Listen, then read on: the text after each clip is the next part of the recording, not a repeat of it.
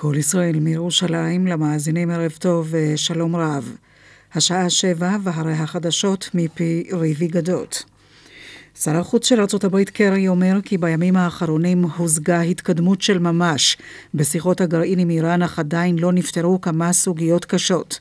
הוא הדגיש כי זה הזמן להשלים את הסכם הקבע, והזהיר כי ארה"ב עלולה לנטוש את השיחות אם לא יגלה הצד האחר נכונות להתקדם בנושאים החשובים לה. זה הזמן לראות אם אפשר לסגור הסכם.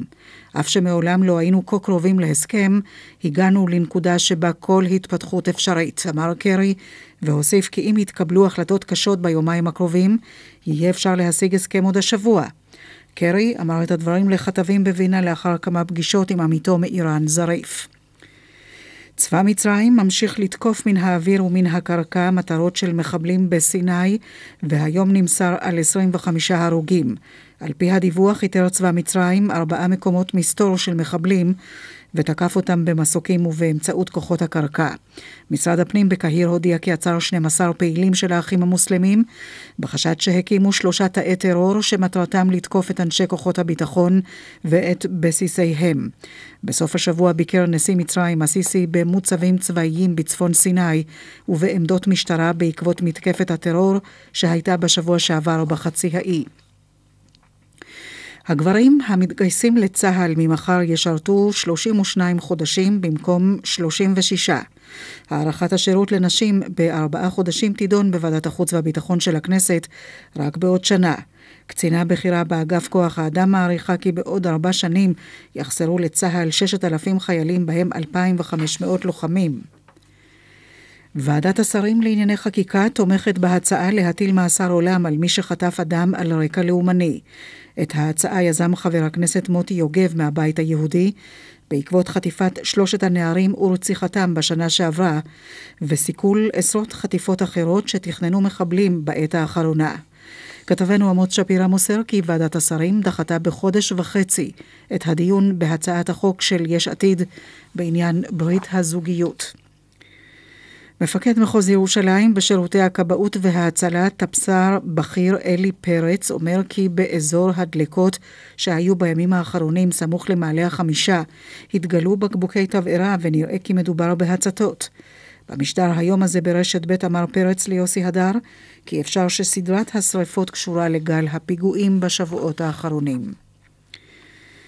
האדם שנעצר בחשד שניסה לרצוח את הבעלים של קבוצת בית"ר ירושלים, אלי טביב, חשוד גם במעשה רצח שהיה לפני כשלושה חודשים ברמת השרון.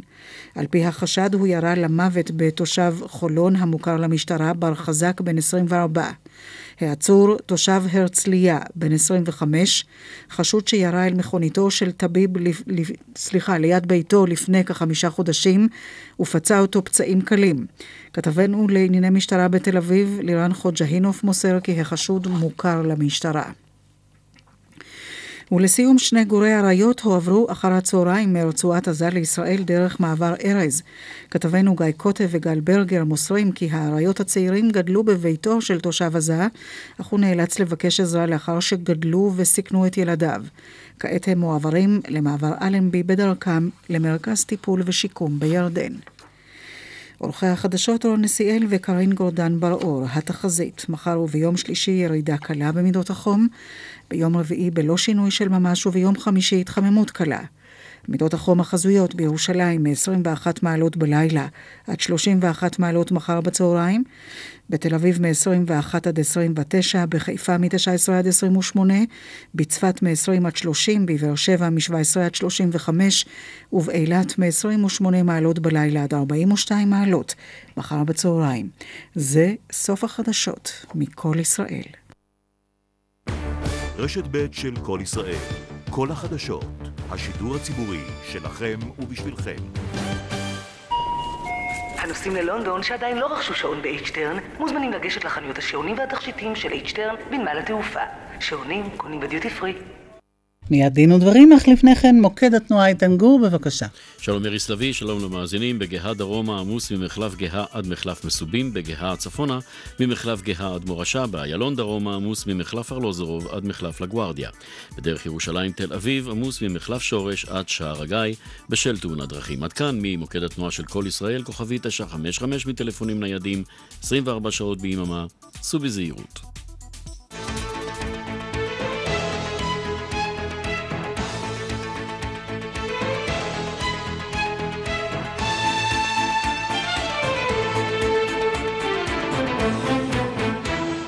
דין ודברים על חוק ערכים ודמוקרטיה ומה שביניהם עם משה נגבי. שלום לכם בצוות התוכנית, העורכת אורית ברקאי, בהפקה דפנה אברהם, טכנאי השידור אילן אזולאי, כאן ליד המיקרופון משה נגבי ואיריס לביא. מיד נתייחס להיבטים עקרוניים של התאבדותו של תת-ניצב אפרים ברכה וגם של בקשת מבקר המדינה לעכב את אישור מתווה הגז. הממשלה החליטה היום להעביר את הנהלת בתי הדין הרבניים ממשרד המשפטים למשרד הדתות, וגם להשיב את מונופול הרבנות הראשית על הגיור בישראל. באולפנינו דיקן המרכז האקדמי שערי משפט, הפרופסור אביעד הכהן, שעתר לבג"ץ נגד המהלכים הללו. נשמע גם על הצעתו לאפשר הדחת חבר כנסת שהתנהג בניגוד לאתיקה הציבורית. בית המשפט הכיר בזכותה של הספרייה הלאומית בירושלים לקבל לידיה את כתבי היד של הסופר פרנץ קפקא. עמנו פרקליט הספרייה הלאומית, עורך דין מאיר הלר, ועמו נלבן את חשיבותה העקרונית של ההחלטה. רשות המיסים מתכוונת לחייב במס הכנסה תשלומים וטובות הנאה שמקבלים רבנים ומקובלים מחסידיהם.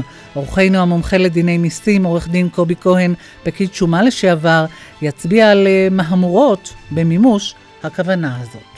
כל אלה איתנו בשעה הזאת, אבל אנחנו פותחים כאמור בהערות עקרוניות בעקבות ההתאבדות הטראגית של תת-ניצב אפרים ברכה. משה. טרגדיה איריס, וצריך לומר, גם אם מישהו יבוא ויטען שאותן האשמות שהטיח הפושע המושחת המורשע על פי הודעתו הרב פינטו אה, באפרים ברכה גם אם מישהו יטען שבהאשמות האלה היה איזשהו ממש וברור שבשלב זה אין לנו שום אה, בסיס לטעון את זה הרי בוודאי שגם על העבירות שפינטו ניסה לייחס לברכה אין אה, עונש מוות בחוק הפלילי ואדם לא אמור לשלם עליהם בחייו, לכן מדובר בטרגדיה אה, בכל מקרה. מצד שני צריך לומר וחשוב לומר עם כל הצער שעצם העובדה שאדם אה, שנחשד אה, במעשים כאלה או אחרים שולח יד בנפשו אין בה כדי לומר דבר וחצי דבר לגבי אמינות או אי אמינות אותם חשדות. אדם יכול לשלוח יד בנפשו בגלל שמעלילים עליו עלילות שווא ואדם אה, יכול גם לשלוח יד בנפשו בגלל שהוא חש אה, תחושת אשמה וחושש מכך שערוותו אה, תיחשף, שאותם מעללים פסולים שהוא ביצע ייחשפו. שתי האפשרויות קיימות וכמו שאמרתי עצם מעשה ההתאבדות איננו מעיד לא לכאן ולא לכאן. צריך גם לומר שעצם מעשה ההתאבדות לא מעיד על ההצדקה או אי ההצדקה של הפרסומים שהיו אה, בעניינו של אה, תת ניצב ברכה. מה שכן מעיד, ואולי הדבר היחיד שמעיד על ההצדקה הזאת, זה האתיקה בפרסום, וקודם כל החובה האתית הראשונה במעלה, לבדוק את אמינות הפרסום. צריך להיות ברור, אם באמת לעיתונאי היו, היה מידע בדוק על כך שיש חשדות מסוימים, קונקרטיים, נגד uh, תת-ניצב ברכה. בוודאי אם היה לו מידע אמין על כך שנפתחה חקירה במח"ש uh, נגד האדם שעומד בראש היחידה הארצית uh, לחקירות הונאה, זו הייתה לא רק זכותו, אלא חובתו של אותו עיתונאי לפרסם את זה. השאלה אם באמת היה מידע קונקרטי ואמין כזה. בוודאי שזה לא אתי לבוא ולהגיד כפי שנאמר באחד הפרסומים, שיש מידע חמור נגד ברכה, אבל אני לא יכול לגלות מהו תוכן המידע הזה. בשלב זה אני מסתפק בכך שאני אומר, יש מידע חמור, ועל סמך המידע הזה אני קובע שתת ניצב ברכה מסוכן לציבור. זה נראה לי פרסום שלא עומד באמות המידה של האתיקה העיתונאית. מצד שני, שוב אני רוצה לומר שתמוה בעיניי שאם הפרסום שהיה על פתיחת חקירת מח"ש נגד ברכה לא היה נכון, מדוע המתין משרד המשפטים, מדוע המתינה מח"ש 48 שעות ולא פרסמה הכחשה למידע הזה? הרי הכחשה כזאת בוודאי הייתה מקילה על מצבו הנפשי של ברכה לנוכח הפרסום. אני רוצה לומר עוד דבר, אנחנו בתוכנית הזאת איריס מתחנו ביקורת חריפה ולא רק בתוכנית הזאת, גם בשידורים האחרים, ביומנים של רשת ב' אני אישית מתחתי ביקורת ולא רק אני על עסקת הטיעון שנעשתה עם פינטו ואמרתי שזה חמור מאוד שכאשר אדם בא ומטיח האשמות חמורות נגד אנשים בצמרת המשטרה, בצמרת מערכת אכיפת החוק, מטיח האשמות מאוד חמורות כלפי שורה ארוכה של אנשים ואומר שהוא יכול לחשוף אותם, במקום לקיים לו משפט פומבי שבו העדויות שלו ילובנו גם באוזני השופטים אבל גם באוזני הציבור ודעת הקהל שתעקוב בוודאי והתקשורת אחרי אותו משפט, חשוב מאוד שבעניין הזה הצדק לא רק יעשה אלא גם ייראה. ועסקת הטיעון מונעת מהצדק להיראות. ואני לא יכול להשתחרר מהתחושה הקשה שהעובדה שנעשתה עסקת טיעון והטענות האלה של פינטו לא לובנו בבית המשפט ולא לובנו כתוצאה מכך גם בזירה הציבורית היא אולי שאפשרה להמשיך ולהטיל דופי בתת ניצב ברכה מה שאולי לא היה קורה אילו הטענות היו מלובנות בבית המשפט והייתה לו הזדמנות גם להפריך אותם בבית המשפט. היה גם לו את יומו בבית המשפט לבוא ולהתמודד עם אותן טענות. אני חושב שגם היום לאחר ההתאבדות יש הייתי אומר אפילו חובה מוסרית ללבן את הטענות האלה גם משום שהציבור זכאי לדעת אם היה ממש בהאשמות חמורות שהוטחו במי שעמד בראש אחת יחידות החקירה המרכזיות והחשובות במדינת ישראל וגם כדי שאם לא היה בהם ממש ששמו יטוהר ולפחות לאחר מותו. פרופסור אביעד הכהן איך אתה רואה את הדברים?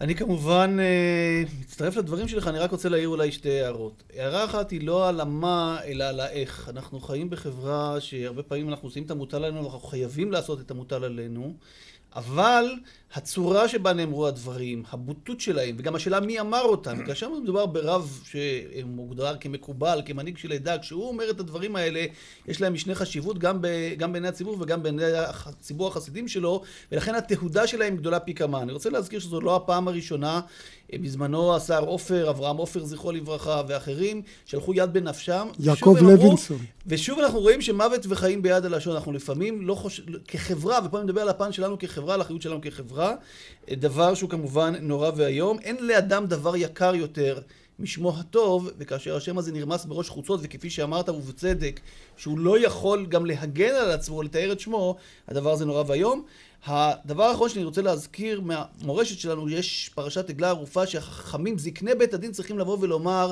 ידינו לא שפכו את הדם הזה ועינינו לא ראו ואז שואל התלמוד, היעלה על דעתך שזקני בית הדין עשו דבר כזה? אומר התלמוד שהם היו צריכים למחות או לדאוג שלא נגיע בכלל למצב הזה והם לא עשו את זה אני חושב שעלינו כחברה מוטלת היום, מוטל היום תמיד חשבון נפש אבל במיוחד אחרי המקרה הזה אנחנו צריכים לחשוב לא רק על המה, האם לפרסם דברים אלא איך לפרסם אותם ולתת אפשרות במקרה הזה צריך לזכור, היה מסע מסע הסתה ממש, לא רק נגד תת ניצב ברכה, אלא גם נגד הבן שלו, נגד אחיו, דבר שאנחנו כחברה אסור לנו להסכים איתו. כן, אני רוצה רק אבל לומר שוב, כי חשוב לי אה, אה, לומר את הדברים האלה, אסור פה לשפוך את התינוק יחד עם האמבטיה, ואני מדבר על התינוק, אני מדבר על לא רק הזכות, אלא החובה של העיתונות החוקרת, אם באמת יש לה מידע אמין, לגבי חשדות נגד אדם, בוודאי אדם בצמרת מערכת אכיפת החוק, לחשוף אותם והדבר הזה חשוב במיוחד כשמדובר בבכיר במערכת אכיפת החוק כי אז הסכנה שאותו אדם ינצל את מעמדו כדי לטייח את החשדות היא גדולה במיוחד, הסכנה שאנשים יירתעו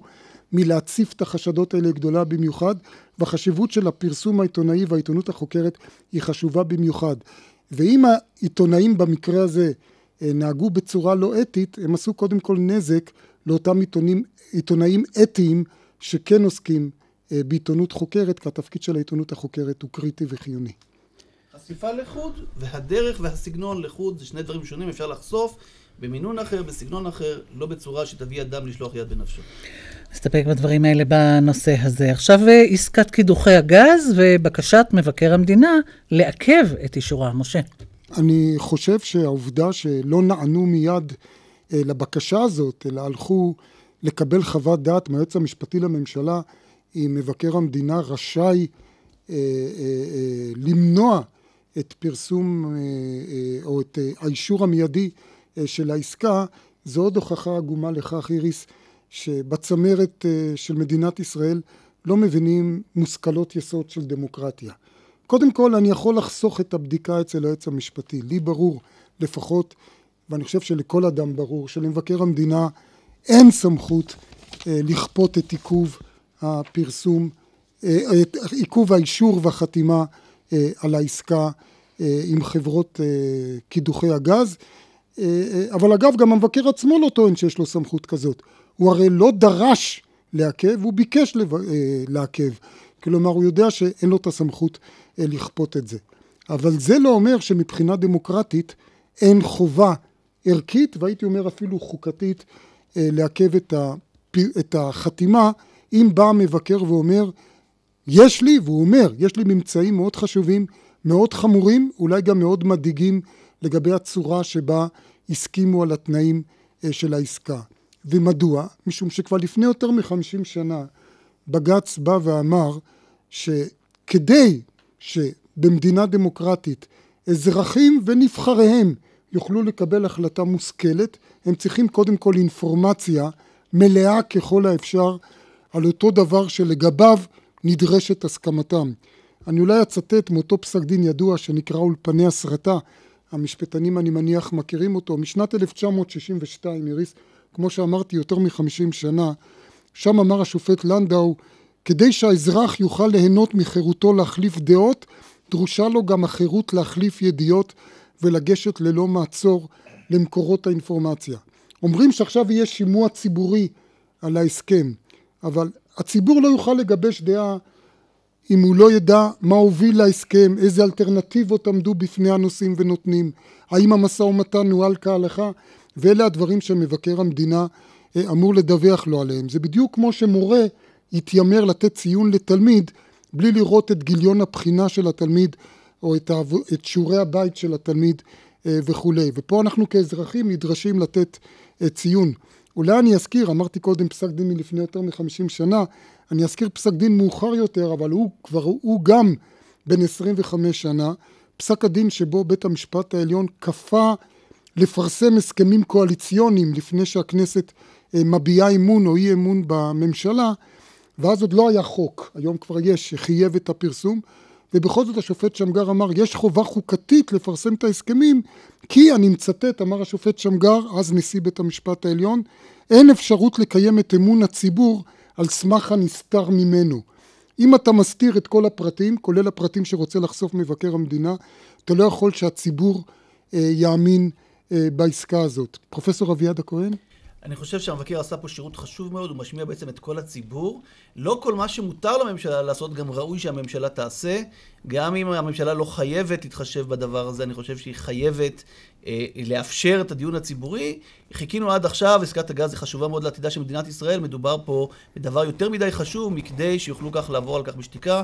אני חושב שהמבקר עשה פה שירות חשוב לציבור, השמיע בעצם את הקול של כולנו, ולכן הממשלה חייבת אה, אה, להתחשב בדברים שהוא כתב, לאפשר את פסק הזמן הנדרש, גם אם זה ייקח עוד כמה שבועות, אבל ובלבד שאכן אמון הציבור בכל המהלך הגדול הזה אכן אה, יירכש ולא ילך לטמיון. נסתפק בדברים האלה בנושאים האלה, ועכשיו אה, הממשלה אישרה היום את העברת בתי הדין הרבניים למשרד הדתות. אתה דיקן אה, המרכז האקדמי שערי משפט, פרופ' אביעד הכהן, עתרת בשם תנועת הנשים הדתית לאומית אמונה נגד המהלך הזה. מה, מה מאחורי העתירה? העתירה הזאת היא עתירה מאוד פשוטה. לממשלה יש הרבה מאוד סמכויות. חוק יסוד הממשלה קובע שממשלה רשאית גם להעביר שטחי פעולה וגם להעביר סמכויות סטטוטוריות של, שר, של שרים משר אחד למשנהו. במקרה הזה לקחו רשות, אני רוצה להזכיר, מדובר פה בבתי הדין הרבניים, רשות שהיא רשות שופטת, היא בשר מבשרה של הרשות השופטת. רשות שמשרתת מיליוני אנשים במדינת ישראל. כל אזרח יהודי או תושב המדינה, בין, תושב המדינה יהודי, בין אם הוא רוצה ובין אם הוא לא רוצה, חייב ללכת לבתי הדין הרבניים. גם, ולכן, אם, הוא לא, גם אם הוא לא דתי. ויותר מזה, ולכן ההפיכה של אה, רשות שופטת לכדור משחק במשא ומתן הקואליציוני, ולא משנה, אני מדגיש שוב, זה לא משנה אם זו מפלגה כזו או אחרת, כל מפלגה שהייתה עושה את זה, זה דבר קודם כל שהוא פסול ברמה החוקתית הבסיסית. העובדה שלממשלה יש סמכות רחבה איננה אומרת שמותר לה הכל, דבר אחד. הדבר השני, במקרה הזה, יצרו, כפי שכתבנו בעתירה, שאגב, הגשתי אותה יחד עם שתי עמיתותיי, פרופסור מיכל תמיר ועורכת דין ציפורית שמל מארגון אנשים אמונה, אה, לקחו פה סמכויות וחילקו אותן בין שלושה משרדים שונים. רוב הסמכויות הועברו לשר לשירותי דת, חלק מהסמכויות, סמכות ההיוועצות נותרה בידי שרת המשפטים, וחלק מהסמכויות, אולי אחת הסמכויות החשובות שבהן, העמידה בראשות הוועדה לבחירת דיינים, היא, היא תעבור לשר שימנה ראש הממשלה, אנחנו אפילו לא יודעים במי מדובר, לא יודע אם זה יהיה שר החקלאות, או השר לקליטת העלייה, או שר אחר, דבר שהוא פשוט מפלצת בעלת שלושה ראשים שלא בא כמותה במדינת ישראל. עכשיו, כשאנחנו מסתכלים על הסמכויות שיש לשר שממונה על אה, אה, בתי הדין הרבניים, רואים שלא מדובר פה רק בעניינים טכניים. לו היה מדובר פה רק על ענייני מנהל, איפה תשב הנהלת בתי הדין הרבניים, או איזה סנדוויץ' יקבלו הדיינים בצהריים, זה היה דבר אחד. אבל כאן מדובר על דברים מאוד מהותיים, כגון האפשרות בכלל ליצור תקן של דיין, כגון האפשרות למנות דיינים לבית הדין הרבני הגדול, ואולי אחד הדברים החמורים ביותר זה העיתוי שבו נעשה הדבר. אנחנו עומדים כרגע במצב שבו 15 דיינים מתוך כמאה דיינים אמורים להתמנות, כבר נמצאים בעיצומו של ההליך. בבית הדין הרבני הגדול, מתוך שבעה דיינים צריכים למנות חמישה, משהו שיקבע את פני המערכת של הדיינות בארץ לעשרות שנים. גם נשים אולי, לא? אה, או נשים, שעדיין לא הגענו לזה? נשים אני לא חושש, לצערי הרב אין חשש כזה שזה יקרה בשנים הקרובות, למרות שהשופט אלון בפסק הדין שקדיאל כבר לפני, לפני 30 שנה, יותר מ-30 שנה, קבע שאין מניעה הלכתית כן. שנשים ישבו כדניות. אבל שוב, אם הזכרת את העניין המגדרי, צריך לזכור גם את הדבר הזה. התנועת אמונה לא סתם עתרה אה, בהקשר הזה, היא גם לפני שנתיים דרשה שלוועדה למינוי. לבחירת דיינים תצטרף אישה, אה, לפחות אחת, כי עד אז לא היו נשים בכלל בוועדה. ועבר חוק. ועבר חוק בכנסת שיהיו 11 חברים, כאשר אחת מהם תהיה טוענת רבנית. היום הטוענת הרבנית גם היא תמונה בידי שר, שוב שצריך לזכור, שהוא אה, בעל למפל... ממפלגה מסוימת, בעלת אג'נדה, אג'נדה שכמובן היא לגיטימית. שאגב מדירה נשים מהרשימה שהיא לגיטימית לחלוטין, אולי בעיני בוחריה, ועדיין העובדה שיש לנו שרת משפטים שלא תהיה מיוצגת כנראה בוועדה, ושכל הוועדה תהיה על טהרת הגברים, חוץ מאותה טוענת רבנית, שגם היא תמונה על ידי השר, אני חושב שזה יום אה, לא, מאוד מאוד לא חגיגי למדינת ישראל, במיוחד שצריך לזכור שכל המהלך הזה נעשה כבר לפני תריסר שנים, המערכת עבדה, משרד המשפטים, למרות שגם בראשו עומדת שרה פוליטית, צריך לזכור את זה, פה לא מדובר בשרה מקצועית כפי שהיו כמה מקודמיה, אבל עדיין משרד המשפטים ידוע בכך שלפחות את המערכת השופטת, ובדרך כלל העניינים מתנהלים בצורה מקצועית, כן. וכאן אני חושב, אני חושב שמדובר פה במשהו שיהיה אה, מאוד משמעותי לגבי אלפי נשים שהן מעוכבות גט, שהן עגונות, לגבי אלפי משפחות שבתי הדין הרבניים, גם אם אנחנו לא אוהבים אותם, בסופו של דבר החוק מחייב את כולנו להיזקק להם, ולכן הדבר הזה כל כך משמעותי. נשימה אפשר להזכיר גם את אה, ביטול רפורמת הגיור שעכשיו על הפרק. הכל קשור ולא קשור. רפורמת הגיור זה סיפור אחר לחלוטין, צריך לזכור שבממשלה הקודמת, ממש בשלהי כהונתה, אה, היה צריך לעבור, עבר כבר בקריאה ראשונה חוק, הצעת חוק שיזם אה, חבר הכנסת אלעזר שטרן, חבר הכנסת דאז, שביקש לפתוח את נושא הגיור, שיוכלו להקים מוטבים של דייני גיור גם בערים, רבני ערים, כאשר הכוונה הייתה לנקוט כגישת בית הלל. המהלך שעשתה הממשלה היום, שוב, מהלך פוליטי מאוד ציני, משיג את כל הדבר הזה אחורה, המוטבים האלה לא הוקמו, מכפיף את הכל חד... ח... בחזרה לרבנות הראשית לישראל, וצריך לזכור שבהקשר הזה יש בעיה חוקתית מאוד גדולה, מכיוון שנושא הגיור עד היום לא הוסדר בחקיקה ראשית של הכנסת. בחוק הרבנות הראשית לישראל אין מילה וחצי מילה על סמכותה לעסוק בגיור. בחוק שיפוט בתי דין רבניים שהזכרנו מקודם, אין מילה וחצי מילה על סמכותם של הדיינים לעסוק בגיור. זה לא יהיה רטרואקטיבי אבל לפחות. ולכן, לא, ולכן ולכן מבחינה חוקתית כל עוד, והשופטים אגב, אני הייתי בשבוע שעבר בדיון בבית המשפט העליון, בהרכב אה, של בהרכב תשעה של תשעה שופטים, גם הנשיאה, גם המשנה לנשיאה וכל השופטים, העירו על כך שהגיע הזמן שבמדינת ישראל נושא הגיור יסודר בחקיקה ראשית, ולא בהחלטת ממשלה, שכפי שאנחנו רואים, החלטת ממשלה, תוך יום אפשר לקבל אותה ולדחות אותה. אה, זה דבר שהוא הוא לא רצוי גם מבחינה אולי חוקתית. מילה, אולי מילה על אותה עתירה שנידונה בפני תשעה שופטים. אתם בעצם דורשים שם הכרה בגיורים שנעשים אה, בבית דין שהוא לא של הרבנות הראשית. וצריך להדגיש, מדובר במקרה הזה בבית דין של הרב ניסים קרליץ בבני ברק, כלומר אין שאלה הלכתית בכלל, אגב גם בתי הדין הרבניים מקבלים את הגיורים האלה, כלומר מה שקורה פה זה אבסורד, בתי הדין הרבניים הממלכתיים של מדינת ישראל מכירים בגיורים שנעשים בבתי הדין הפרטיים הללו לגיור, הרבנות הראשית לישראל מכירה בהם, מי שלא מכיר בהם זה משרד הפנים לצורכי חוק השבות, שוב דבר שלא מתקבל על הדעת, קודם כל בשכל הישר, זה עוד לפני שנכנסים לכל הטיעונים המשפטיים, ובנושא הזה תשעת השופטים ייתנו יש פה את פסק אבסורד דינם יותר בקרוב. גדול, שאם רב של אה, קהילה, אפילו קהילה לא אורתודוקסית בדנבר, קולורדו, אה, מגייר מישהו, משרד הפנים מכיר בגיור הזה ורושם את אותו אדם כיהודי.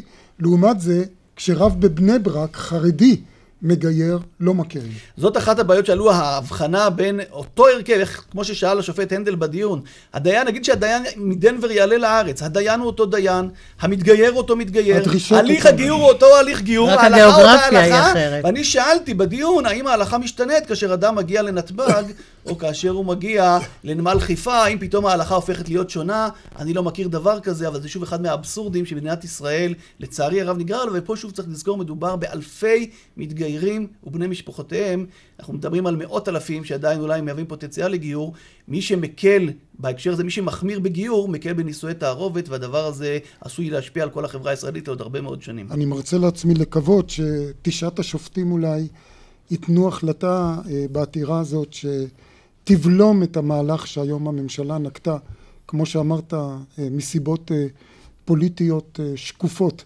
אני רוצה להזכיר עוד עתירה שאתה מעורב בה, פרופסור אביעד הכהן, שעוסקת דווקא בזכותם של ספורטאים דתיים או בעצם קיפוח זכותם להשתתף בתחרויות כתוצאה מכך שתחרויות מאוד מכריעות מתקיימות בשבת.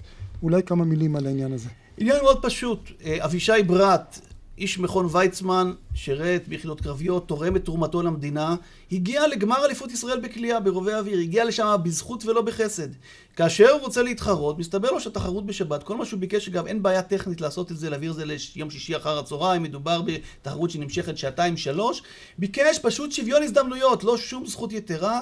אומר לו איגוד הקליעה, אנחנו מצטערים מאוד, התחרויות שלנו רק בשבת, ומדובר באליפות ישראל, לא במשהו וולונטרי כמו ליגת הכדורגל או ליגת הכדורסל, אלא במשהו שהוא אליפות ישראל. וכאן יש בעיה אמיתית של שוויון הזדמנויות. אני רוצה להזכיר שהסוגיה הזאת עלתה שוב בתיק שהייתה לי הזכות לייצג את הסייף יובל פרייליך לפני כחמש שנים, אה, שלא ניתנה לו אז האפשרות להשתתף בגמר אליפות ישראל. השופט מלצר אז בבית המשפט העליון קבע שאו שיינתן לו ניצחון טכני או שהתחרות תוזז לימי החול. זו תופעה שמקיפה עשרות רבות של ספורטאים, צריך להדגיש, זה לא מדובר רק במקצוע הקליעה, בשחייה, בריצה, בטריאטלון, במקצועות אחרים. יש פה מאבק עקרוני, בית הדין של ההתאחדות לספורט, לצערי הרב, בדיון שהיה לנו השבוע, החליט שהנושא גדול עליו במרכאות. העביר אותנו לבית המשפט המחוזי, אני רוצה לקוות שתצא מכאן, אולי עוד לפני הפסיקה, שתצא איזושהי הסכמה, ואגב, למאבק הזה שותפים אנשים, וזה הדבר החשוב, מכל גווני הקשת הפוליטית, החל מחברי כנסת ממרצ ומהמחנה אולי הציוני, גם שרת הספורט החדשה. ושרת הספורט, ומיקי גיצין, היושב ראש התנועה לישראל חופשית, אנשים שרואים בזה אולי הבסיס לקיומנו כאן כחברה אחת. הספורט אמור להיות דבר מאחד, ולא דבר מבדיל ודבר מדיר. אני חושב שזה אינטרס של כולנו, כל מי שדבק בחופש הדעת, שיתמוך במאבק הזה. אנחנו רוצים על עוד דבר לדבר איתך עד שיגיע עדכון החצי. אה, אתה גם אה, יוזם איזושהי הצעה, אפשרות להדיח ח"כ שהתנהג בניגוד לאתיקה, לעשות את זה מה? באיזה צורה? זה מהלך שכמובן אה, מעורר שאלות קשות מבחינה דמוקרטית, והתשובה היא, אני מדבר על מקרים לא שבהם יש חקירה פלילית. החוק היום מאפשר, כאשר יש חקירה פלילית, בוודאי כאשר יש הרשעה, להשעות חבר כנסת, ולאחר מכן גם אולי להדיח אותו, אבל יש התנהגויות, ואני דווקא לא רוצה לקשור את זה לאדם מסוים, אלא התנהגויות שבהן רק כך לאחר הבחירות, לפני הבחירות לא ידענו דבר, לאחר הבחירות מתגלה מישהו שההתנהגות שלה פשוט איננה הולמת את מעמדו של הכנסת, ואני מדגיש, לא התנהגות במישור הפוליטי, אני לא מדבר על שיט כזה או אחר, אלא התנהגות אישית שבהם יש קונצנזוס, שוב מקיר לקיר, לקיר. המהלך אומר דבר מאוד פשוט, ברוב של כ-90 חברי כנסת, כדי שזה לא יהיה דבר שבמה בכך אפילו אולי 100 חברי כנסת, אחרי מהלך של ועדת האתיקה, יוכלו להציע, להדיח חבר כנסת כזה מכהונתו, וגם אז יצטרך לעבור ביקורת של בית המשפט העליון. כלומר, ככה, להוציא אותו מהכנסת. להוציא אותו מהכנסת. ככה אנחנו מבטיחים דבר אחד, שזה לא יהיה על רקע פוליטי מובהק, אלא על רקע ענייני של כבודה של הכנסת. דבר שני, שתהיה פה ביקורת גם שיפוטית, ביקורת נוספת, שוב, של גוף שהוא לא גוף פוליטי, זה ימנע חיסול חשבונות, ושוב, זה ייעשה רק באותם מקרים קיצוניים ונדירים. אני חושב שעצם הסנקציה הזאת, אם היא תהיה קבועה בחוק, היא כשלעצמה תביא לכך שאולי חברי כנסת יעשו את המוטל עליהם, כפי שכינה זאת פעם השופט חשין, לא יעשה כן במקומנו, it's not done, דבר שהיה צריך להיות מובן מאליו. מצאת לזה תמיכה בקרב חברי הכנסת? מצאתי תמיכה רחבה משוב מקיר לקיר, וחברת הכנסת אה, זהבה גלאון כנראה תוביל את הצעת החוק שוב, אבל בשיתוף של חברי כנסת מקיר לקיר, מכיוון שהדבר הזה שותף לכל מי שכבודה של הכנסת יקר בעיניו, הדבר הזה חשוב לו, זה לא קשור אם הוא שייך לימין או לשמאל. פרופסור אביעד הכהן, אה, תודה רבה לך על כל הדברים האלה ועל הפעילות הרבה שלך. שבע וחצי עכשיו, אנחנו עוברים לחדר החדשות ריבי גדות עם עדכון החדשות שלו. תודה, הנה העדכון. שלושה סקרים שפורסמו עם סגירת הקלפיות במשאל העם ביוון מצביעים על מרוץ צמוד, אך צופים ניצחון בהפרש קטן למתנגדי ההסדר שהציעו נושיה של המדינה. במפלגת השלטון סיריזה אומרים כי התוצאה המסתמנת תאפשר לממשלת יוון לקדם את המשא ומתן עם הנושים ולהגיע להסדר. שר החוץ של ארה"ב קרי אומר כי בימים האחרונים הושגה התקדמות של ממש בשיחות הגרעין עם איראן, אך עדיין לא נפתרו כמה סוגיות קשות. הוא הוסיף כי אם יתקבלו החלטות קשות ביומיים הקרובים, יהיה אפשר להשלים את הסכם הקבע עוד השבוע. צבא מצרים ממשיך לתקוף יעדי טרור בסיני, והיום נהרגו שם 25 חמושים. כך מסרו גורמי ביטחון במצרים. התחזית, מחר ירידה קלה במידות החום. זה העדכון.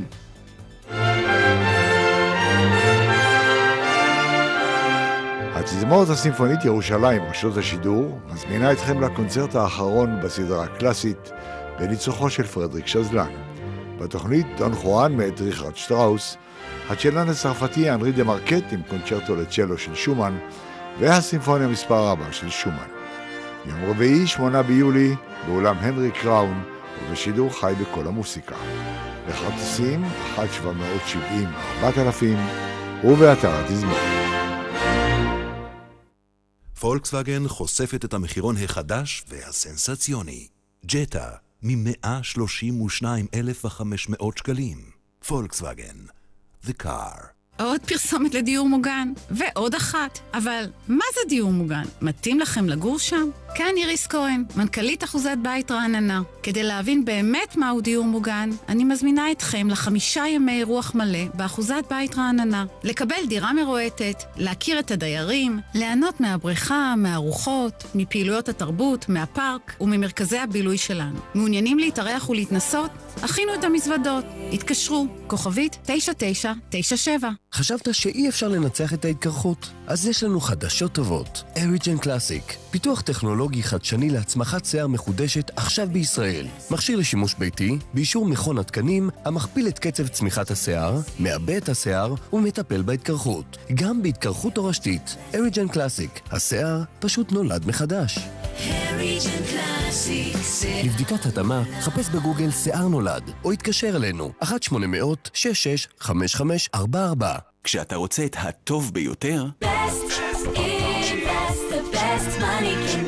Best Invest, תוכנית חיסכון מבית הכשרה חברה לביטוח. האמור אינו מהווה ייעוץ השקעות או הזמנה להשקעה. ועכשיו, במחסני חשמל, מזגני טורנדו Legend עם חמש שנות אחריות מלאות. המחיר נמוך מדי.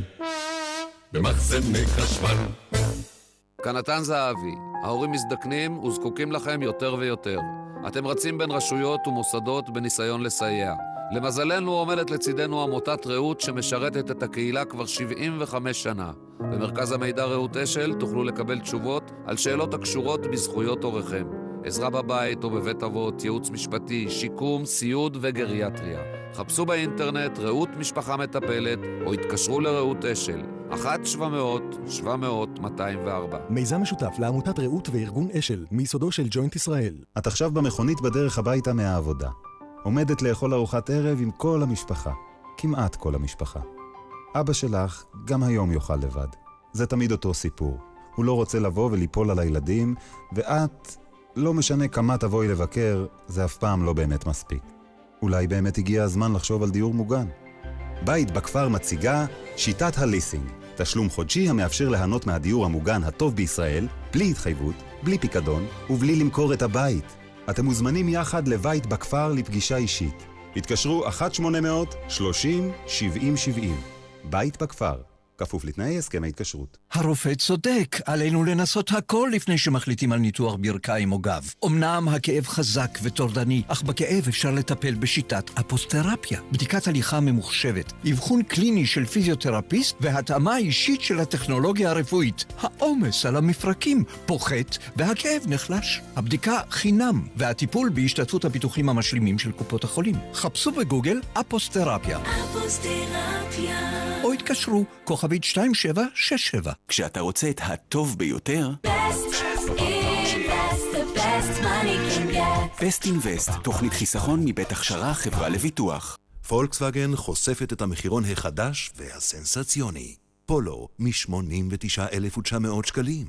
פולקסווגן, The Car. אבא שלי רוכב על אופניים. אולי הוא בשוליים. שים לב לרוכב. מהיום לא מתעלמים משום רוכב ושומרים על מרחק ממנו, גם כדי לשמור על החוק וגם כדי לשמור על חייו. חפשו בפייסבוק שים לב לרוכב. החלטתם לעבור לדיור מוגן. מזל טוב. חוץ מהדירה היפהפייה, מה תקבלו? ארוחות כלולות במחיר. הבריכה, חדר הכושר, הטיולים, שירותי הכביסה, ניקיון הדירה, החשמל, שירות התרופות, כלולים במחיר? כאן חיים ברקן, מנכ"ל בית גיל פז בכפר סבא. אצלנו, כל דייר וכל דיירת יכולים לבחור במסלול הכל כלול. לקבל את כל השירותים, ליהנות מכל העולמות. בלי אותיות קטנות ובלי תוספות. לפרטים התקשרו 1-700-55-70-80. בוש, קונים ב... ידעתם שאפשר לשקם את כל השיניים, להשלים שיניים חסרות, להשתיל שתלים בתוך כמה שעות בהרדמה חלקית או מלאה? כאן דוקטור אגדי. היום, בזכות טכנולוגיה חדישה, במפגש אחד, בתוך שעות אחדות, תוכלו להשלים טיפול ולצאת הביתה בחיוך. העולם התקדם, גם רפואת השיניים. חפשו באינטרנט, השיניים שלי, או התקשרו, 1-800-60-90-60.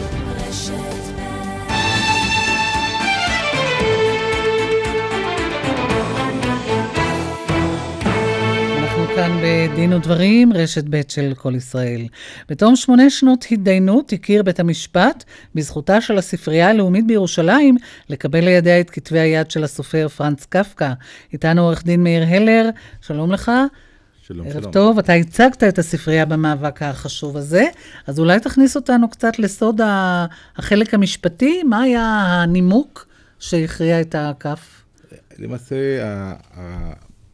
נאמר, המאבק המשפטי הוא נע בשני מישורים אה, מרכזיים.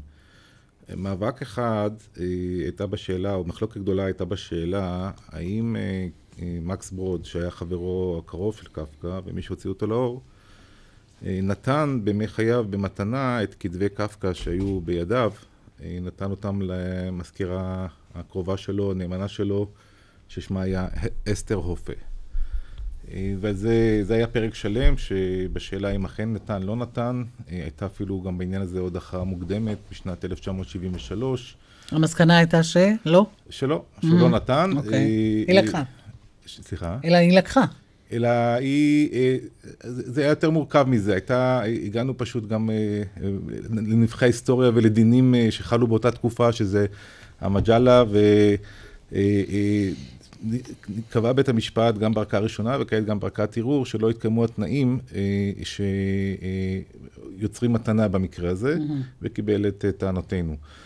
במישור השני, אה, הייתה שאלה מהי פרשנות צוואתו של מקס ברוד, שם הוא, הוא כתב בצורה אה, עמומה מעט הסדר שהוא מבקש מה יעשה בזמנו הספרותי אה, לאחר פטירתו. והוא קבע שם הסדר די מיוחד, שהוא מינה את אותה מזכירה אה, להסדיר אה, במשך ימי חייה מה יעשה באותם כתבים, וביקש שהיא תפקיד אותם לשמירה בארכיון ציבורי. עכשיו, הוא מנה שם את הספרייה הלאומית כאופציה הראשונה, אבל הוא מנה אופציות נוספות. מה שקרה, אה, שכתוצאה מהשפה המעט עמומה של הצבא, וגם אה, גם כתוצאה מהשפה שלו, שהוא אומר שהיא תפעל בזה כל, כל ימי חייה, היא אכן האריכה חיים. היא, היא מתה בגיל 102, ובמשך 40 שנה לאחר פטירתו לא דאגה לקיים את רצונו, אלא... אה, החזיקה את זה אצלה. היא לא רק שהחזיקה את זה אצלה, אלא נתנה גם את זה ל- מכרה חלק מהכתבים. אה, לגבי כתבי קפקא, היא טענה בכלל שהם בבעלותה, ולכן היא חופשי לעשות בהם כרצונה. היא טענה, או הבנות שלה טענו שהיא נתנה להם במתנה, מאידך היא גם עשתה הסכמים ומכרה אותם. אה, אה, הרבה מאוד מהכתבים אה, הגיעו לארכיון הלאומי הגרמני דווקא, שהם מאוד מתעניינים ואוספים את כתבי קפקא, וגם כתבי ברוד. ו... אבל בעיקר השאירה כמות אדירה, אדירה של מסמכים. למעשה, מרבית ארכיונו של מקס ברוד, שהיה יוצר, פובליציסט, מלחין, אה, אה, השאיר אותם, ב... קודם כל אנחנו יודעים שהשאיר אותם בדירה שלה, ברחוב שפינוזה בתל אביב. אה, מביקורים שערכו אנשי ספרייה עוד בשנות ה-80, הייתה להם ביקורת רבה על הדרך שבה מוחזקים שם הכתבים. יש תיאורים שהובאו בפני בית משפט על כך שיש חתולים רבים בדירה שיושבים על הכתבים וכולי. אה, אבל היא לא נא- נאותה לכל ההפצרות, אה, לרבות הפצרות שבאו מכיוון הגרמני דווקא, אה, להעביר את הכתבים לספרייה הלאומית. גם היא לא לקחה בחשבון שמקס ברוד למעשה ביקש ממנה ורצה, זה מה שהוא רצה שהיא תעשה, היינו תפקיד את זה באר- בארכיב, סליחה, בארכיב ציבורי. גם היה דבר ידוע וגם הבאתי עדה במשפט, אישה שהייתה בת, בת למעלה מ-90 כיום, שהעידה שהיא אה, הייתה עובדת במחלק, מחלקת הארכיונים בשנת 68, ומקס ברוד הגיע יחד עם המזכירה שלו, ובא לזכור את הדרך שבו מטפלים במח, במחלקת הארכיונים בספרייה הלאומית, אה, בכתבים. היא במקרה גם הייתה אותה עדה, עובדת, היא הייתה מזכירתו האישית של מרטין בובר, שנפטר בשנת 65, והיא עברה לעבוד בספרייה וטיפלה בסידור ארכיונו. וברוד התרשם מאוד. ברוד היה מעריץ וחסיד אה, אה, של מרטין בובר, הוא גם בביוגרפיה שלו, אה, אוטוביוגרפיה, שדרך אגב אותה הגשתי גם כמוצג לבית המשפט.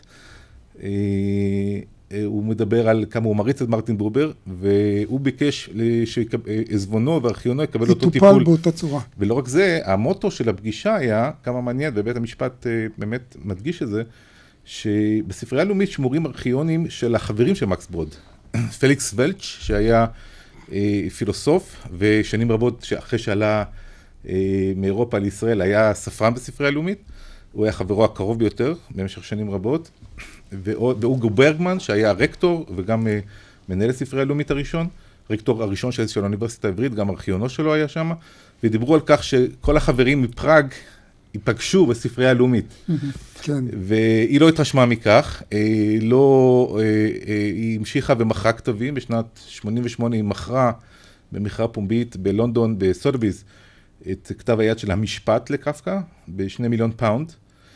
כתב היד הגיע די מהר, שוב, לאותו ארכיון לאומי גרמני, שכבר ב, ב, כנראה בתקופה הזאת כבר לא, איך נאמר, אה, הבין שהגברת אה, לא תעביר את זה כפי שכולם חשבו לספרייה הלאומית, אה, ואז אה, אה, אה, הרגיש אה, יכולת אה, אה, להתחיל לרכוש ממנה. זה. איפה זה נמצא היום? בארכיון הלאומי הגרמני. המשפט של פרנץ המשפט קפקא נמצא שם. כן, במרבך בגרמניה. עכשיו, אני באמת רוצה פה בנקודה הזאת, אה, אה, אתה בצדק, אה, כלומר, אתה כבר ציינת שבעצם בית המשפט לא קיבל שזה קניין של, אה, של אותה מזכירה ושל בתה כמובן, אה, ושברוד אה, אכן התכוון אה, שזה לא יהיה בידיה, אם כי הוא הפקיד בידיה את הטיפול. אבל אני חושב שיש עוד קביעה מאוד חשובה שכדאי להתעכב עליה בפסק הדין, שמדגישים גם את החשיבות המשפטית של באמת שמירת אוצרות המורשת של העם היהודי, שקפקא הוא כמובן חלק ממנו, והם אומרים שלפעמים גם האינטרס הזה יכול היה לגבור על זכות הקניין, גם אם נגיד היו מכירים אה, בצורה כזאת או אחרת בבעלות שלה על אותם כתבים. ואולי כדאי להזכיר שגם ברוד עצמו, כשהוא החליט לא לשרוף את הכתבים של קפקא בניגוד לבקשתו ממנו, הוא ראה חשיבות בכך שהדברים האלה יישמרו. ופה, כמו שאתה מתאר, אם זה לא היה בספרייה, זה היה עלול ללכת לטמיון בגלל תנאי ההחזקה הנוראים. זה- נכון, אני, אה, אה, לאורך כל ההליך, החל מערכאה ראשונה בבית המשפט לענייני משפחה שדן בכך, וגם בערעור, אה, אנחנו טענו שבראש ובראשונה יש אינטרס ציבורי מובהק, וזה גם דרך אגב לא אינטרס מיוחד לעם היהודי או למדינת ישראל, זה אינטרס כלל עולמי, זה מורשת תרבות עולמית, הכתבים של קפקא וגם של ברוד. אה, שהכתבים האלה יזכו לטיפול הולם, שיפורסמו, שתהיה נגישות של חוקרים אליהם. אה, אני חייב לציין שנגרם עוול עצום למקס ברוד. מקס ברוד שביקש שהכתבים שלו יופקדו בארכיון וייתן להם נגישות, הוא גם ציין שזה יהיה לשמירה, הוא לא רצה שימכרו, הוא היה כן. אדם שהיה אנטי-מטריאליסט. אה, כל בקשתו הזאת לא, לא קופדה. וכתוצאה מכך, ופגשתי חוקרים אה, של ברוד שהיו בקשר ותמכו במאבק, אה, אומרים, יש להם חוסר אדיר בגישה לכתיבה של ברוד. הם אה, מאוד מאוד מצפים לרגע, ליום שבו... שזה יהיה נגיש כבר לקהל, הארכיון שלו כן. ייחשף, ויוכלו ממש לחקור וללמוד אותו ולפרסם אותו כפי שהוא ראוי לו. הוא היה איש רב אשכולות, כן. גם היה מוזיקאי, הוא כתב, הוא הלחין, הלחין, הוא הלחין את האופרה, בעצם... את האופרה הישראלית הראשונה. אה. הוא היה מלחין שלה. אה, והוא היה, יש שם התכתבויות שלו עם אה, סופרים, יש רשימה, יש לי רשימה של סופרים מהמעלה הראשונה. סוף סוף נעשה צדק גם איתו, אתה אומר.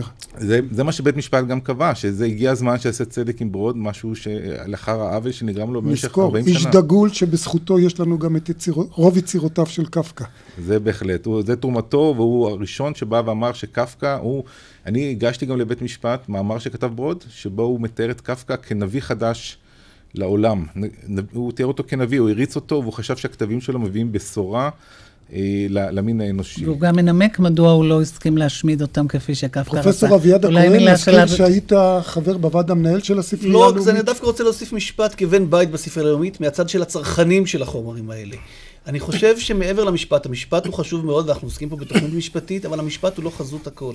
ויש ערך, ואם נסתכל על מה שקורה עכשיו בתדמור, אם ניקח את זה להקשר רחב יותר, שימור אוצרות רוח של התרבות האנושית בכלל, קל וחומר, כאשר מדובר בתרבות היהודית, אני חושב שהמאבק הזה שעורך דין הלר ניהל בצורה כל כך יפה בשם הספרייה הלאומית, היא עוד שלב באמת ב, ב, בכך שנכסי הרוח של העם היהודי יהיו נחלת הכלל, יועמדו לרשות הציבור. הספרייה הלאומית עושה בשנים האחרונות אה, אה, מאמצים עילאיים לפתוח את האוצרות האלה גם לציבור כולו, גם מי שמגיע לספרייה, גם מחוץ לספרייה, ואני חושב שהדבר הזה הוא נקודת ציון חשובה מאוד במאבק לשימור אוצרות הרוח של יהודי, לשימור שלהם ולהעמדתם לציבור כולו, זה דבר שבעיניי לא פחות חשוב מכל הפן המשפטי. תודה, ותודה לך, אה, עורך דין מאיר הלר, שבאת לאולפנינו עם הפסיקה החשובה הזאת. ועכשיו אה, לנושא הבא, רשות אה, המיסים מתעתדת לגבות מס הכנסה מרבנים ומקובלים על קבלת טובות הנאה מחסידיהם. עורך דין קובי כהן, אתה מומחה לדיני מיסים, במה מדובר? בכספים ש, שנותנים אם באים להתייעץ, או על מה, איזה סוג אולי, של כספים?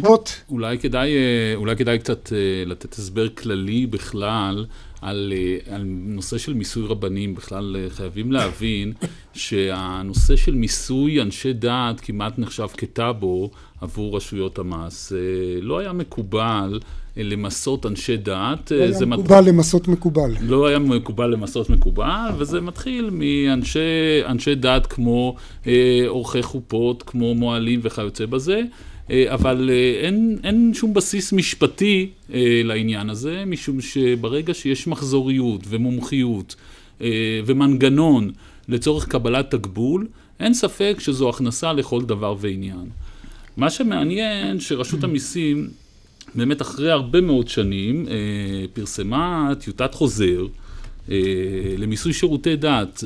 אז היא מציינת, נכון שהיא מציינת גם מוהלים, אבל הדבר הדגש. המרכזי באותו חוזר זה אה, מיסוי המקובלים. אה, חייבים להבין, כשמדברים על חצר של מקובלים, אה, שסביבה יש חסידים. ואנחנו זוכרים שחלק מהחסידים האלה זה לא רק קציני משטרה בכירים לצערנו, אלא גם אנשי עסקים. אנחנו זוכרים אנשי עסקים ש... אה, באו לקבל עצות ממקובלים, ויש להניח שהם גמלו להם על העצות האלה בדרך זו או אחרת. באופן שוטף אה, מקבלים עצות, ובאופן שוטף אה, משלמים תשלומים. שבטח הס... מגדירים אותם כתרומות או דברים. כן. הסיווג כתרומה הוא סיווג עוד קל, אבל הסיווג היותר שכיח הוא מתנה. מתנה.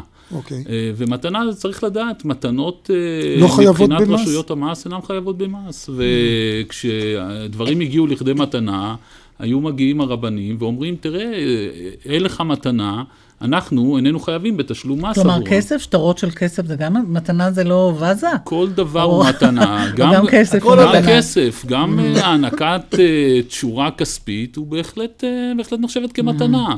והמגננה הכמעט טבעית של אותם אנשי דת, אנחנו מקבלים מתנות מאנשים שבאמת אוהבים אותנו, וכך היו פני הדברים. רשויות מה המס... השינוי עכשיו?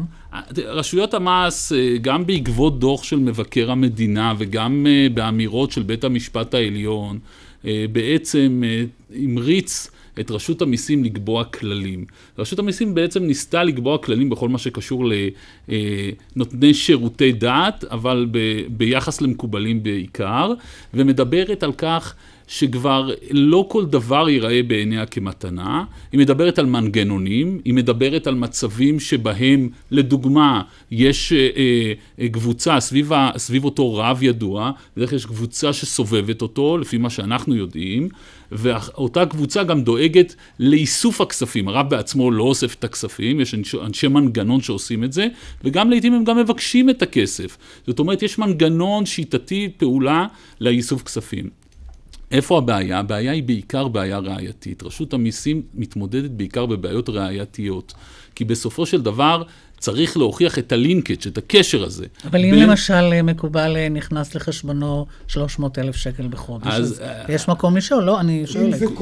קודם כל, קודם כל חובת, אצלנו כולנו, על כולנו, כל האזרחים, על פי, על פי דיני המס, חובה על כולנו לתת הסברים לרשויות המס. זאת אומרת, נטל ההוכחה... אין זכות הוא- שתיקה. בעניין לא, זה בוודאי, בוודאי שלא במישור האזרחי. זאת אומרת, נטל ההוכחה עלינו, אנחנו צריכים לתת את ההסברים. אז בוודאי שהוא יצטרך לתת הסברים שיניחו את דעתו של פקיד השומה, אבל בואו נניח שהוא יגיד, הרי זו מתנה, מה אתם חפצים, מה אתם רוצים ממני? הרי, מה, הרי קיבלתי מתנה מאותו אדם, אה, אה, מתנה הרי אינה חייבת במס. השאלה צריכה להיות, בעיניי לפחות, ופה קצת רשות המיסים אולי צריכה לעשות שיפור, זה ברמה הראייתית. בסופו של דבר כל תיק מיסוי נגמר ברמה הראייתית. איסוף הנתונים והוכחה, אנחנו כאנשי, אה, אנשים שעוסקים במקצועות חופשיים, תמיד רושמים כל כניסה של כסף, תמיד רושמים כל לקוח שיש, שמגיע אלינו. אם אנחנו לא מחייבים, אם רשות המיסים לא תחייב את אותם רבנים ברישום מדויק של הדברים, של התרומות, זה לא, זה לא יעבוד. זה דבר שעכשיו עומד לקרות? לצערי, דווקא הדבר הזה לא מתקיים, רק אם פקיד השומה החליט שמדובר בעסק, ולדעתי הוא לא צריך להחליט שזה בעסק, אלא לחייב כל רב, כדי לתת בסופו של דבר לרשות המיסים את הכלים לבדוק את הנקודה הזאת. כן. נקודה אחרונה רק, עמותות. הדבר הכי פשוט, רשות המיסים יכולה לבקש מאותו רב, תפנה את כל הכספים דרך עמותה, יש פיקוח על עמותות. פרופסור אביעד הכהן, אולי מהצד. ההלכתי איך רואים את הדבר הזה? אז ראשית אני רוצה להדגיש באמת את, ה, את התפקיד החשוב של מבקר המדינה בעניין הזה שהוא חשף את זה בדוח שלו, והדבר השני באמת, שונא מתנות תחיה, זה דבר שכתוב אצלנו במקורות, אבל חילול השם שנגרם הדבר הזה, והדבר הזה שזה נעשה בשם התורה, אולי אחד הדברים הר, הנוראים ביותר בעיניי, ולכן אה, גם במקרה הזה אני חושב שהרבנים צריכים להיות הראשונים שיהוו דוגמה, שלא יהיה מצב של מקובלים בלי קבלות. תודה רבה לכולכם, אנחנו סיימנו. תודה לפרופסור אביעד הכהן, לעורכי הדין מאיר הלר וקובי כהן, עורכת התוכנית אורית ברקאי, מפיקת דפנה אברהם, הטכנאי אילן אזולאי, באולפן היינו משה נגבי ואיריס לביא. דין ודברים גם ביום ראשון הבא אחרי חדשות שבע, מיד אה, כאן אה, מהדורת מבט מהערוץ הראשון. ערב טוב, להתראות.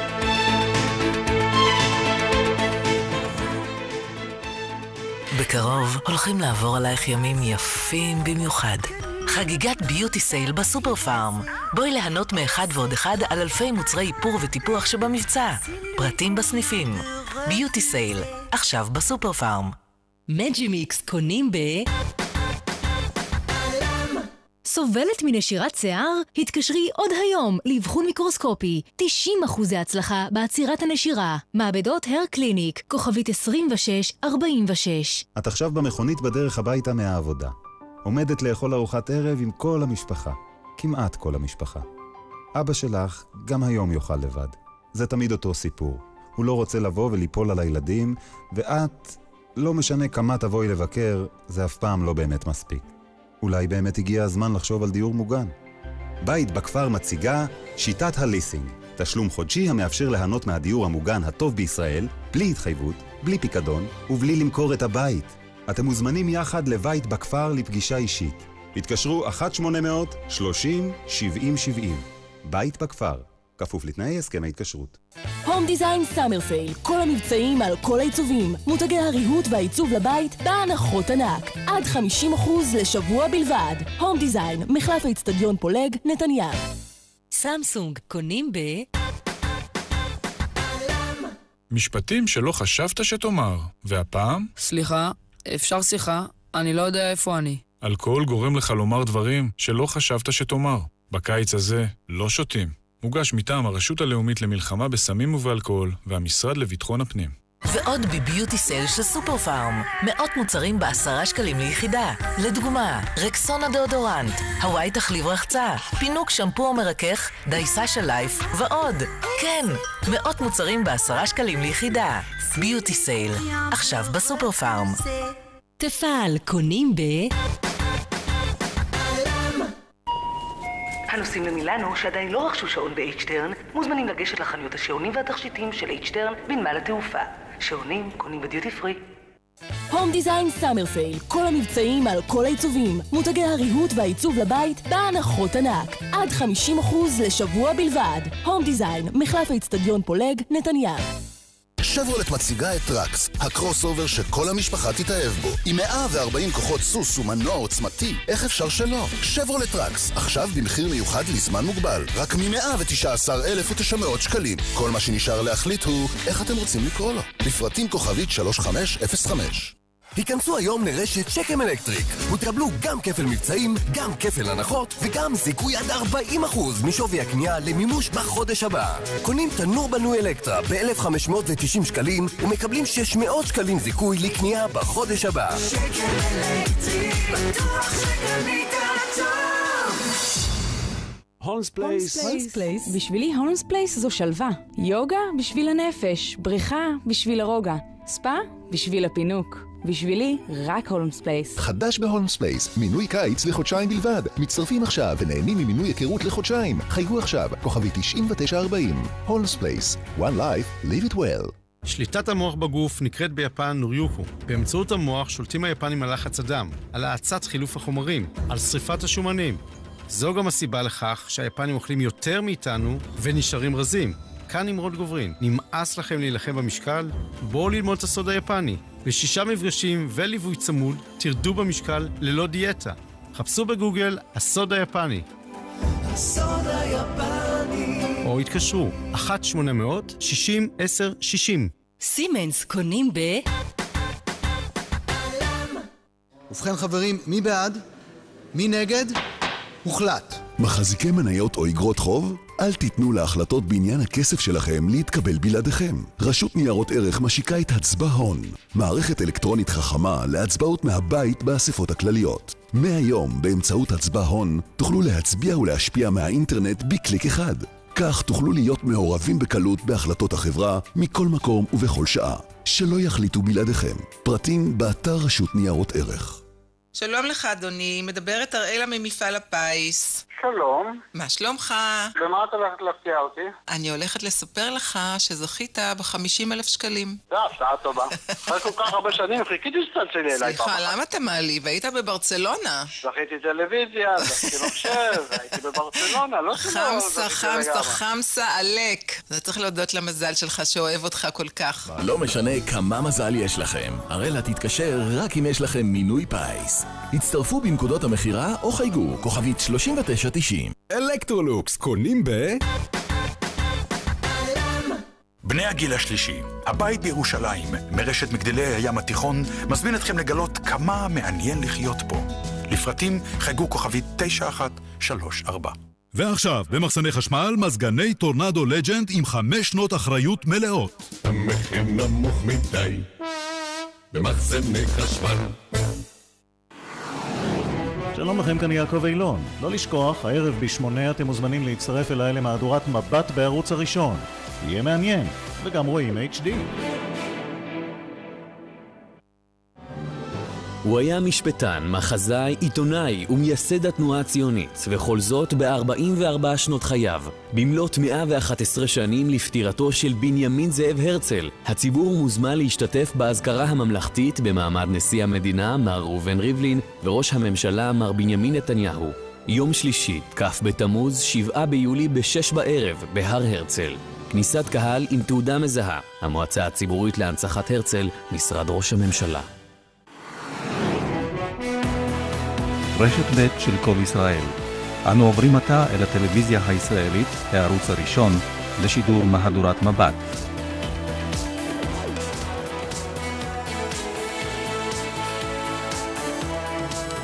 שלום לכם וערב טוב. תגובות סוערות להתאבדותו של תת-ניצב אפרים ברכה.